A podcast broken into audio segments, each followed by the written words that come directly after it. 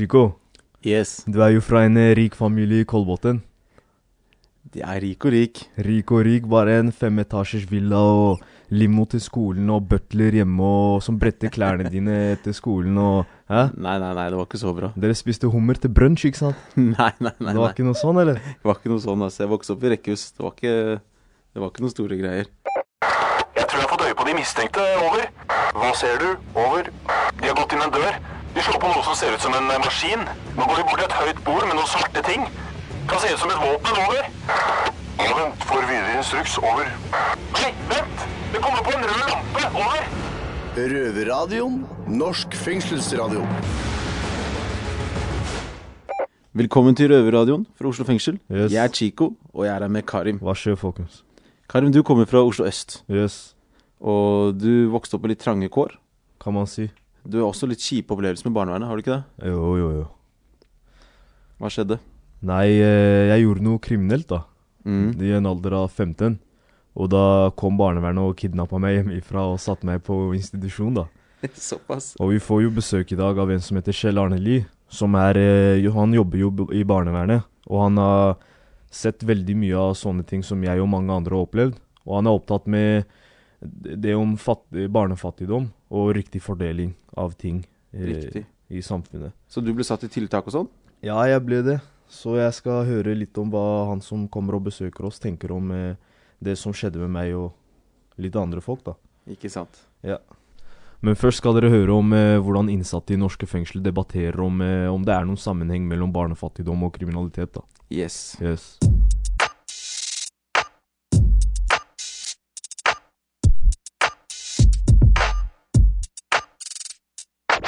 Blir man kriminell av å vokse opp i fattigdom? Mitt navn er Tito. På min venstre side har jeg Mats. Og på min høyre side har jeg Jibs. Og vi sitter her i Eidsberg. Yes?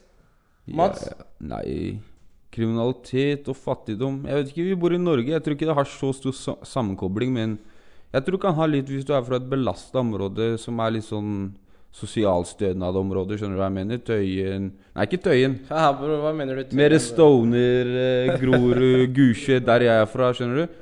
Så er det kanskje litt mer eh, aks aks akseptabelt da for kriminalitet og litt sånn luring fra sida. Men eh, jeg Jeg, vet ikke. jeg, jeg mener det er en eh, billig uh, unnskyldning. Unnskyldning, ja. helt riktig. Hva sier du, Jibbo? Ja, Gypsy. som, som jeg er fra Grorud, vet du. Så det er litt mer å si sånn der eh, du vet, Dalen, sahib, dalen. Han måtte hasle for å få matpakker, skjønner du. Det er ikke noe rart i. Ikke noe matpakker. Ja. Jeg tror, tror det med kriminalitet henger mer i det med familie og tilhørighet i vennegjengen, status Det er mer på den biten, da. For min del, jeg fikk alt jeg ville da jeg var liten, men jeg ville heller at, at faren min var der, da. Enn at jeg liksom skulle være bortskjemt drittunge. For det, de praktiske tinga Nei, de tinga de ga meg ingenting, da. Skjønner du hva jeg mener? Det endte jo bare med at jeg oppsøkte spenning, løpte etter faren min og den kriminelle veien. Skjønner du? Det, så jeg tror at eh, selv om du har penger, selv om du har de tinga, så er det ikke det som har en dritt å si. da I hvert fall i Norge ser jo junkies løpe rundt med 23 000 på konto hver måned. Man, men du ser jo fortsatt, de bruker det på dop. De er fattige, Ja. men de har penger for det. Men eh, som eh, Norge vet, så har ikke faren din levd et A4-ark A4-ark-liv. Nei, nei, nei. Kan det være at du har sett opp til de handlingene, eller Ja, helt måten riktig. han uh, opererte på, da, kan vi si? Det er litt den statusen, da. Hvis du, du ser gikk med feite gullkjeder, fet bil, feit klokke Den statusen han har når Jeg var med han i byen, da. Og samme har jeg eldre brødre. Ja, og så var det Jeg var en liten ADHD-pøbelkid, da. Ja. Skjønner du? 13 år første gang jeg ble stabba, og sant? det skjedde mye ting. Og det, da gikk jeg den veien, da. Men det hadde jo mye med at jeg vokste opp for meg selv. da Jeg hadde mor som jobba mye, faren min var ute og herja, litt i fengsel der, der, skjønner du. Så- så det var litt mer de tinga der å bli hørt, bli sett. Og så fikk jeg en tilhørighet med eldre karer, da. Og de fleste så opp til faren min, eller kjente faren min, og det, det gjorde jo at jeg også ville gå lenger den veien. Og til slutt så er det det du kan, da. Du, som du sa, jeg sa, Tito, det er plutselig du klapper en fyr, du vet ikke at det er ulovlig engang. Ja. Respekten, respekten. Helt riktig. Og en tilhørighet. Jibril, Ja, bro. Kødda! Fortell oss, bro. Hva skjer, mann? Ja, altså, med meg var det sånn Jeg så opp til brødrene mine, egentlig. Altså. Det er Ja. ikke noe med fattig å gjøre det der. man. Helt riktig. Jeg pleide ikke liksom mase på moren min. Mamma og kjøpe meg Jordan-sko eller Fuck det der. bro. Men hvem har du hadde- klappa for de skoa der, da?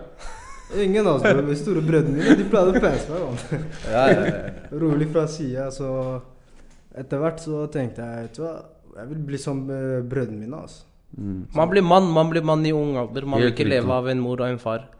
For uh, senere i livet det, man, må, man, må, man må klare å leve selv. Helt riktig. Og så tror jeg det med penger, da, er at det, i Norge da, så er det jævlig lett å omsette penger. da. Du trenger nesten ikke å gjøre en dritt i det kriminelle da, for å omsette litt penger. Og det kan være en faktor at du får lyst til å omsette og omsette mer, for du blir plutselig, som du sier, en ung mann. da. Plutselig du drar inn cash sjøl og de tinga. Og for min del, jeg kjenner igjen det nå at det er liksom den største greia til å dra tilbake, er økonomien. da, De kjappe pengene. Plutselig 50 gryn i uka og ikke sant. Det er det som gjør det lett, da. Ja. Jibs, Ja, har du det noe å si hvor man bor? Om det er østkanten, vestkanten, dalen, byen? Mm. Har det noe å si med hvordan hvordan man blir senere i livet kriminell? Ja, det har mye å si, altså, egentlig. Altså. For, som f.eks. i Groruddalen og sånn. Ja. Der er det normalt å røyke joint, liksom. Hvis de, Som jeg opplevde, da. Hvis du ikke røyker og sånt. Folk ser på deg som en tulling, skjønner du. Jeg vil være en av heftige gutta, skjønner du. Så Ja. jeg tar med en fight joint, jeg. Ja. Skjønner du? Hva med deg, eh, Mats? Du er jo lenger Er det sør eller vest? Det er sør. Ja, du er sør lenger sør-øst. Sør, sør, sørøst. Oppover. Ja, bro. Jeg er vokst opp på Gulset. Eh, var der til jeg var tolv år gammel. Mora mi ville prøve å flytte til et bedre sted. Altså, da kom vi på finkanta Porsgrunn. Det er liksom sånn sossested, mann. Og jeg var fra Gulset, så for min del da, så var det sånn Jeg bare dro med den dritten til til Andre Hovenga, da. Ja, ja. Så Sånn lillebroren min har hatt en jævlig bra oppvekst og ja, korps og hele den greia der, da. Ja. Min tilhørighet var i gata, ikke sant, så jeg bare dro med meg Så jeg blei pøbelen liksom på det sossestrøket, så jeg ho- oppholdt meg ikke så mye der. Skal jeg fortelle deg noe morsomt? eller? Jeg også har spilt korps i barndommen. Altså. Det er bra, det, Tito. Hva er det du spiller nå? Nei, nå jeg Er det fløyta, eller er trompeten, eller Nei, nei, før i tida det var saksofon. Altså. Saksofon? Ja, ja, ja. Men uh, jeg la den i benken. Ja, ja. Det er, det er smart å gå korps og sånne greier. Jeg har hørt at de Nei. Men ja. Chips. Hadde du vært den du er i dag, hvis du hadde vokst opp på Solli, Frogner, dette vestkanten, Ja, ja. enn Groruddalen? Nei, jeg tror ikke det. altså. Jeg, hadde, jeg tror jeg hadde blitt rolig gutt. skjønner. Mm. Vanlig liv, normalt. Mamma, pappa, ikke sant. Ja. Som vanlig menneske. Pappagutt. Så det har mye å si. Det er, det er jo Det er jo Mammasønn. Det er jo Det er jo mye mer kriminalitet da, i østkanten enn i vestkanten. Ja, det er sant. Men jeg skal ikke utelukke at det ikke er kriminalitet i vestkanten. Det er det. Så Det er mer den tilhørigheten du får med de gutta, ikke sant? mm. Med hvor du er fra. ikke sant? Hvis det er en gjeng med gutter som er litt sånn De driver med vank, driver med spenning, driver med penger. Så, så følger jo du den veien også, ikke sant? Ja, ja. Oppmerksomhet er mye å si, altså. Oppmerksom. Litt Ha, ha et navn. Mm. Som på Frogner så har det å si om faren din jobber i et oljeselskap eller uh, Telenor, så du får mer sleik i håret. ikke sant? Du drar den enda lenger bakover jo mer faren din tjener.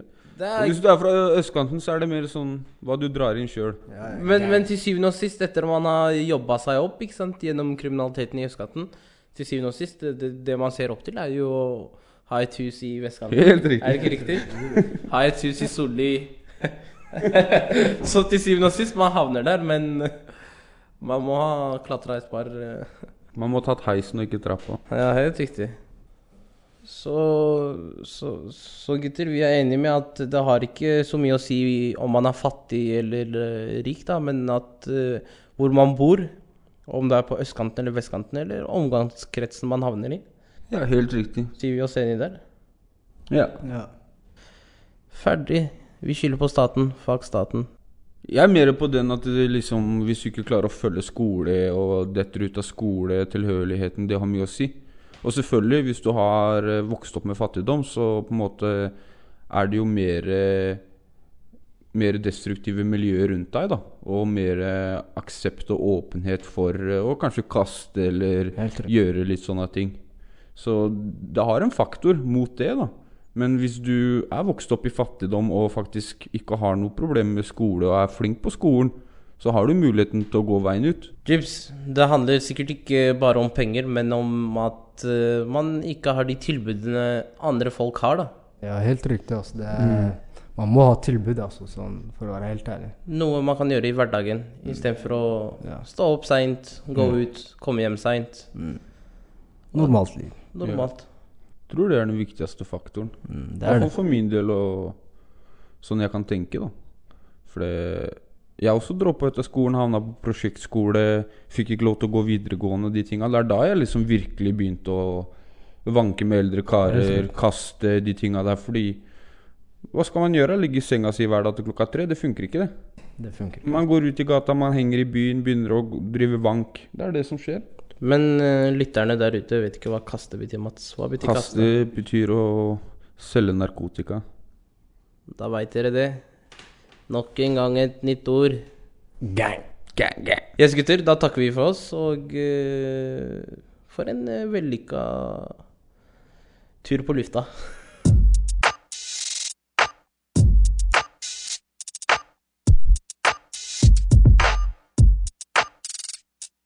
Da har vi hørt fra Eidsberg fengsel uh, om øh, hva de tenker om øh, det med barnefattigdom og måten samfunnet er bygd opp på i Norge, da. Så hva tenker du, Chico?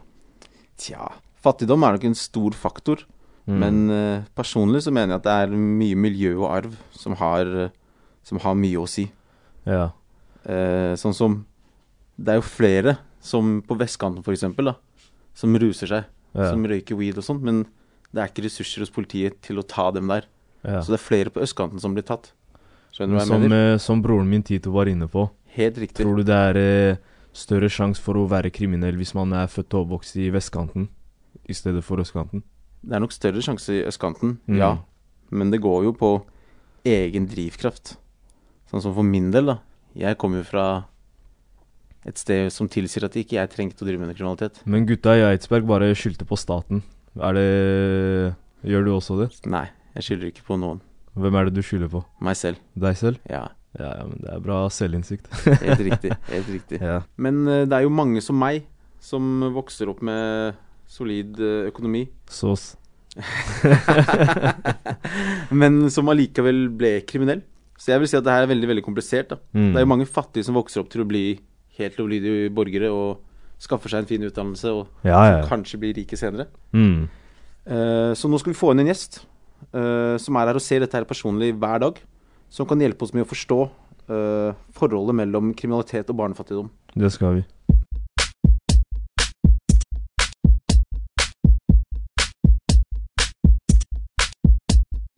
Hvordan påvirker det folk å vokse opp i fattigdom? Vi ser jo på Norge som et av verdens rikeste land, men eh, likevel så har eh, EU en skala som viser eh, en fattigdomsgrense, og ifølge den skalaen så er det 105 000 norske barn da, som lever under fattigdomsgrensa i eh, Norge.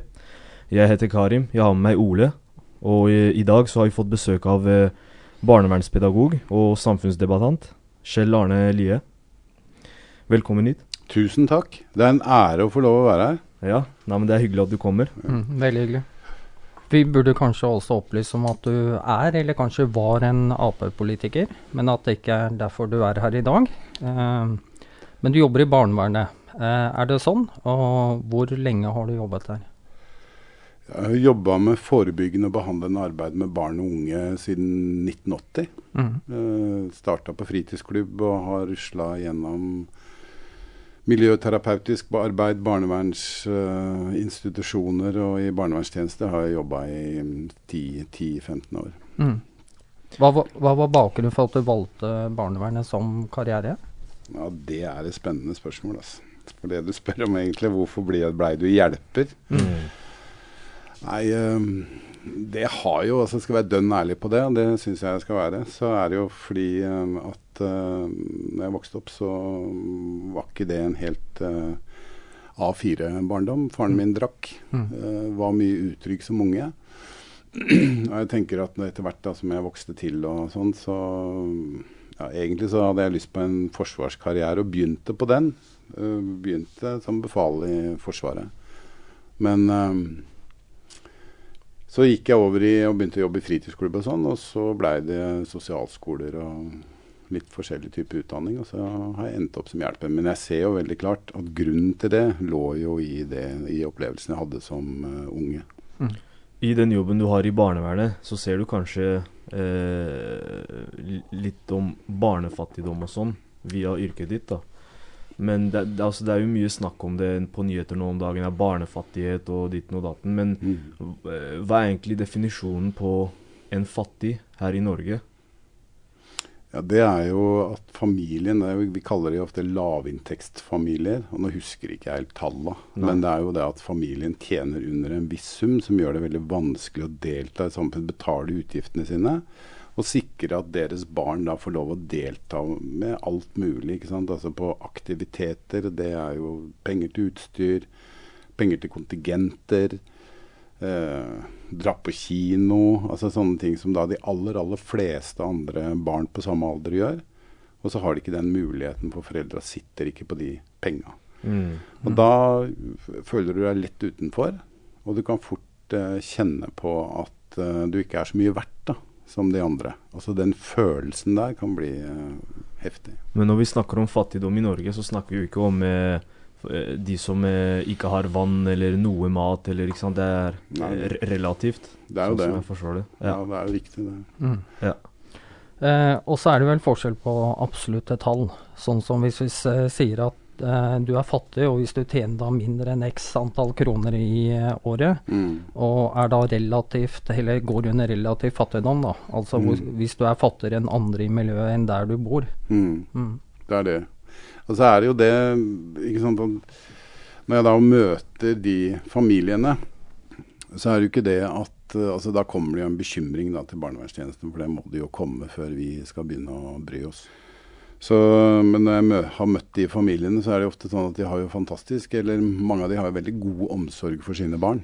Men bekymringen har jo kommet fordi barna ikke har bra nok klær, ikke har uh, kanskje med seg matpakke hver dag. Altså en del av de tingene der. Men når vi da går inn og undersøker, da, som det barnevernstjenesten skal gjøre, så ser vi jo at omsorgen er jo god. Men de har ikke penger. Og det fører jo til at da kjenner jo de ungene på mange følelser som kan være veldig vanskelig. Altså Sjøl så vokste jeg opp på 60-tallet som barn. Eh, jeg vokste opp i et miljø på Oslo øst, Bjølsen. Og det det var jo sånn at vi fleste av oss hadde jo ikke noe særlig penger. Men sånn var det jo for alle.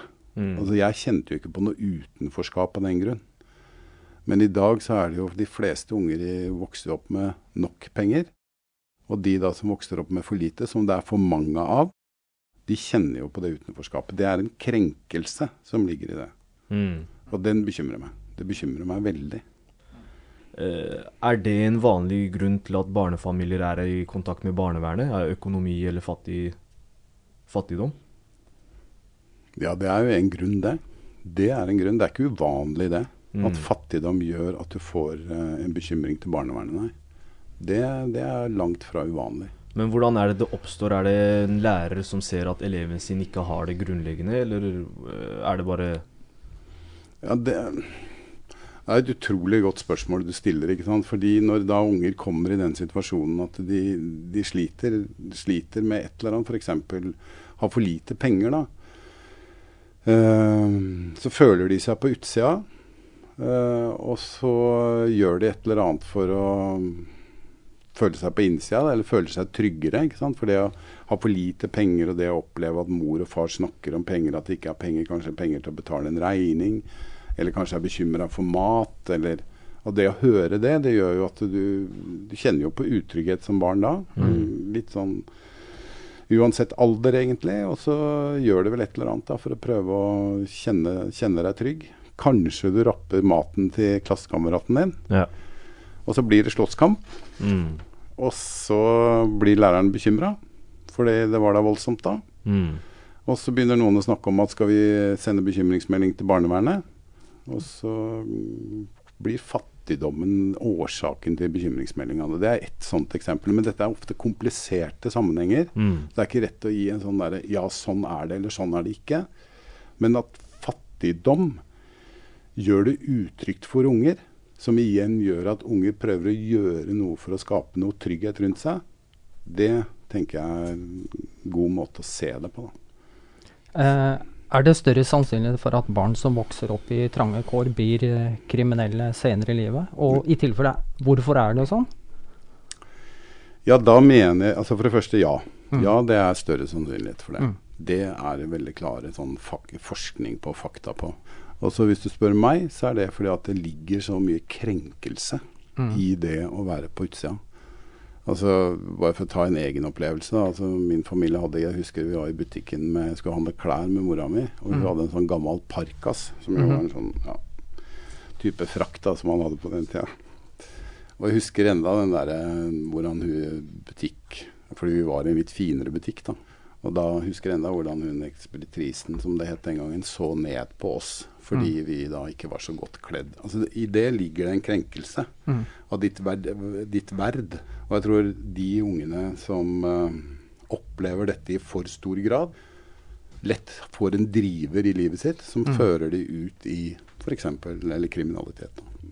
Det jeg ser veldig klart, det er jo hvis vi tar fattigdom som et utgangspunkt, så er det sånn Jeg er jo inne i familier i dag hvor jeg direkte ser det helt direkte årsakssammenheng mellom at det er fattige forhold, trange forhold, og at uh, barnet og ungdommen søker ut for å finne tilhørighet og komme seg liksom litt ut av det den trangheten da, som fattigdommen skaper, hvis du følger med på det. Mm. Altså, du får en sånn følelse av at uh, du får liksom ikke til ting. Og så søker de opp da et fellesskap, en gjeng om dere vil, hvor det å ordnes ting litt på egen hånd, Mm. eh, stjele litt og få seg noen nye jakker og ha litt gode følelser sammen, kanskje via rus, den tilhørigheten til den gjengen, blir da en trygghetsarena som de får, får det liksom, De føler seg ikke så utafor.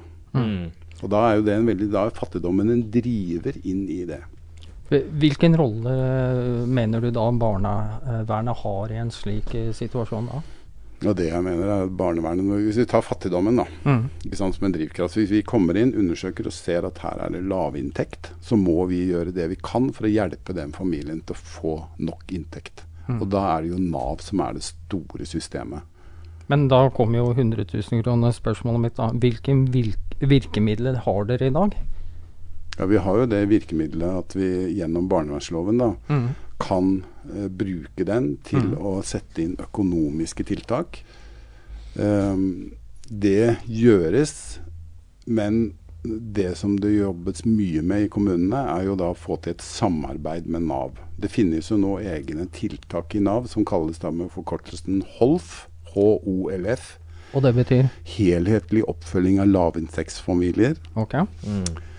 Hvor da de familiene som sliter, skal møte møter da folk som bare jobber med det, og skal sikre da den familien så mye inntekt at de kan ta godt vare på barna sine. Mm. Så det, sånn, det er det kanskje det, altså Når det gjelder det å få gjort noe med fattigdommen, Mm. så er det et veldig viktig virkemiddel i dag. Sånn at Mm. jeg, når jeg da er ansatt i en barnevernstjeneste og jobber nå som tiltaksperson, Mm. så er mitt, noe av det viktigste jeg gjør når det gjelder disse familiene med lav inntekt, Mm. det er å virkelig koble på Nav. Og da må barnevernstjenesten være villig til å stå der til dette er rydda på plass. Mm. Og ikke bare si ja, men det var fint at dere på Nav tok jobben, da trekker vi oss ut. Altså, Ja. Da må vi fortsette å være med til at familien faktisk har en inntekt som gjør at de ikke er fattige lenger. Så dere følger opp under hele prosessen på et vis? nå? Ja, i Horten gjør vi det. Mm. Jeg kan ikke garantere for alle barnevernstjenester i hele landet, men jeg tar utgangspunkt i at alle vil jobbe sånn. Ja.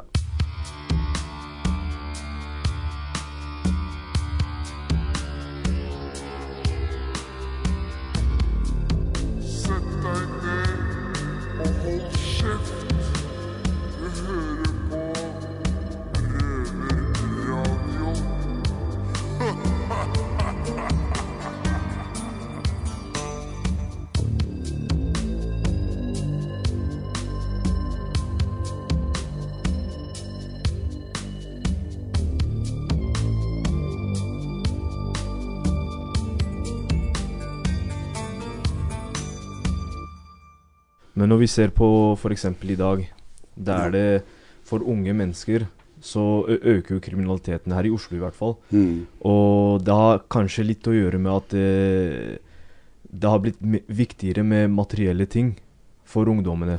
Man skal ha de nyeste klærne Mm. som koster 5 10 000 kroner, og nyeste mobilen og ikke sant. Alt det Mm. der.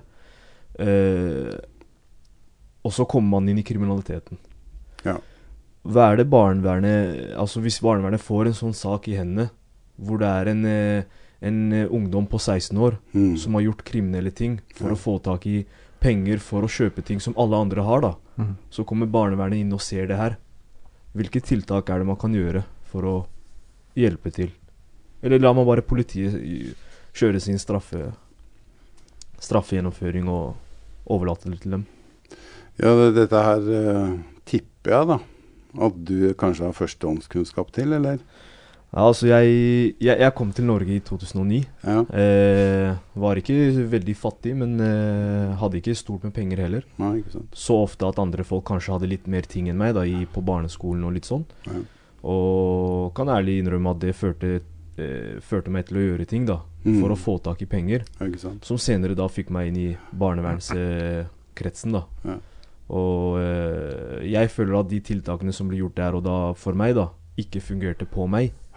Det var vel eh, akuttplassering og mye tvang, da. Mm. Men eh, det er jo noen år sia nå. Ja. Har barnevernet lært av noen av de tingene som kanskje har blitt gjort feil, da? Fordi man ser jo at det er et økende problem. Ja, det jeg tror siden de åra, når de åra er gått Ja, jeg tror barnevernet har lært, men jeg Mm. tror ikke systemet har forandra seg godt nok til å sette inn bedre tiltak. Igjen så er det jo sånn at noen kommuner klarer nok det. Men vi er veldig kjapt ute med straffereaksjoner når vi snakker om ungdom og det du spør om. Mm. Kriminaliteten øker i Oslo. Og du ser jo i politikken også hvordan noen politikere er veldig opptatt av strenge tiltak, mens andre er mer opptatt av å forstå. Det vi veit virker, er hvis vi klarer å koble på en god forståelse. Og komme i tett og god dialog med de ungdommene og virkelig spørre hva skjer da?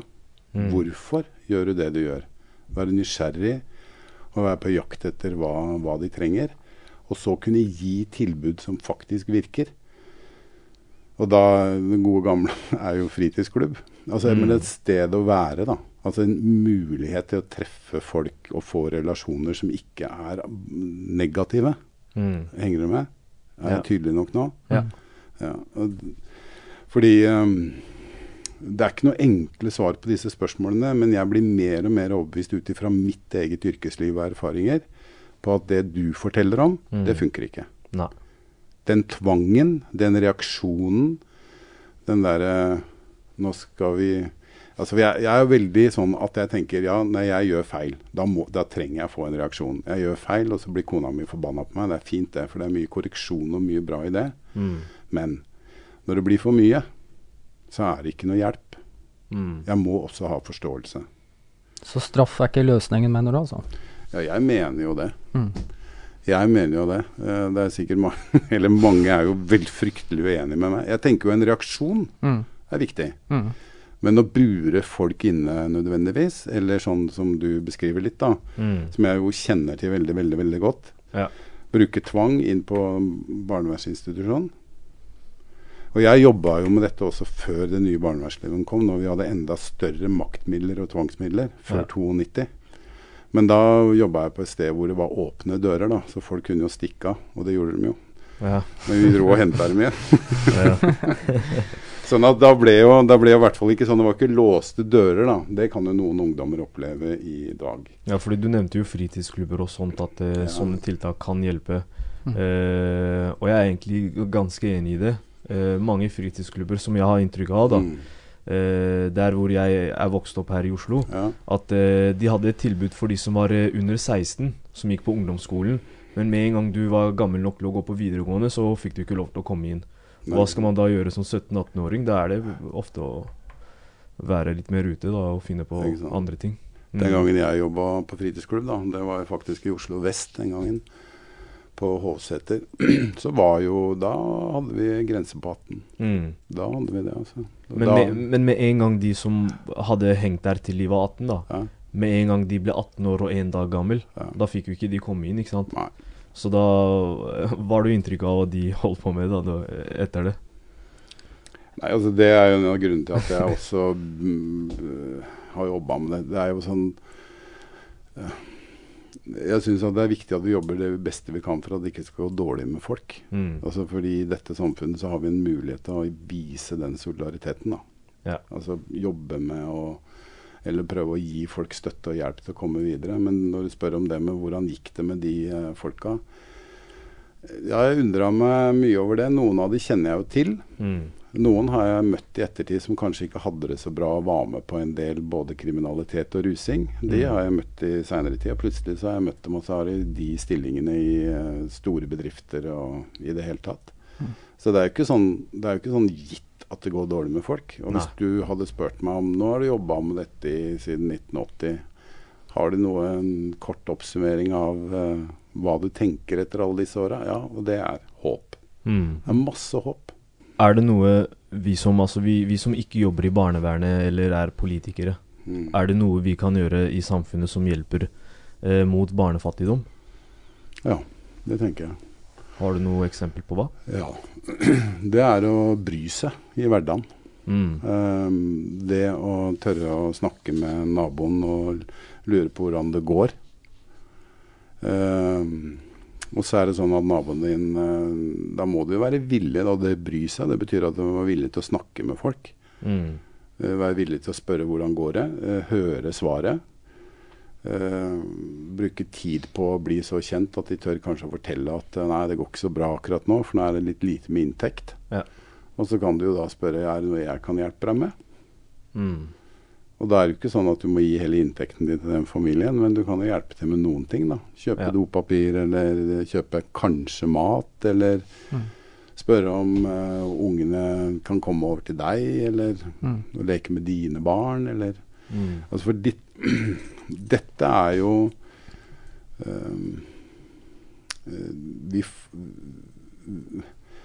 vi blir, har jo blitt så vellykka i det samfunnet her. Altså Mm. Det med å liksom være vellykka. Se på sosiale medier, se hvordan hva som påvirker ungdom eller ikke påvirker ungdom. Det er liksom denne vellykketheten da, som blir veldig sånn sterk driver. Mm. Mm. Og da er det vanskelig å vise solidaritet i hverdagen, men det er den kontakten med andre å spørre. Mm. Nå er ikke jeg så veldig for um, altså Jeg kjenner jo ikke Amerika, men jeg kikker jo på det. Og jeg er ikke så for uh, amerikansk politikk eller samfunnsliv og sånn, men jeg ser jo den derre Noen ganger så ser du, ser du reportasjer fra Amerika, og de bryr seg. Familiene bryr seg med hverandre. Mm. De, tar, altså de er opptatt av å ta vare på hverandre.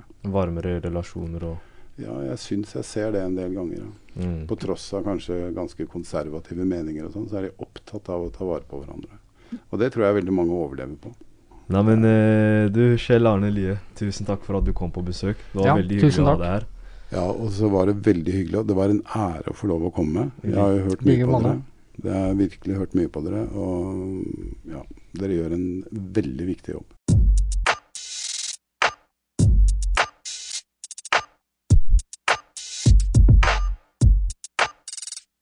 Da er vi ved veis ende. Hva syns du om denne sendinga, Karim? Nei, jeg, eh, jeg likte han eh, Kjell Arne Lie, da. Han, eh, han snakker om viktige ting, og det er egentlig viktig å ta opp det med barnefattigdom. Og han, han var jo egentlig mer enig med oss enn det jeg trodde han skulle være, da, på en måte. Og hva er det du likte best? Jeg vet ikke. Du vet ikke? Nei, nei, jeg tror du likte alt, jeg. Jo da, nei, det var en fin sending. Ja. Det, er et, det er et viktig tema vi tar opp. Mm. Ja, så skal du på cella etterpå? Nå er det opp å ta 100 situps og 100 pushups. Å, fy faen, du er kriger, Ja, det er viktig, Ja. viktig å få sommerkroppen, vet du. Ned på treningsstudio. Ja, ja. Ja, men hvor er det lytterne våre kan høre oss? Hver lørdag halv fire på P2. Mm.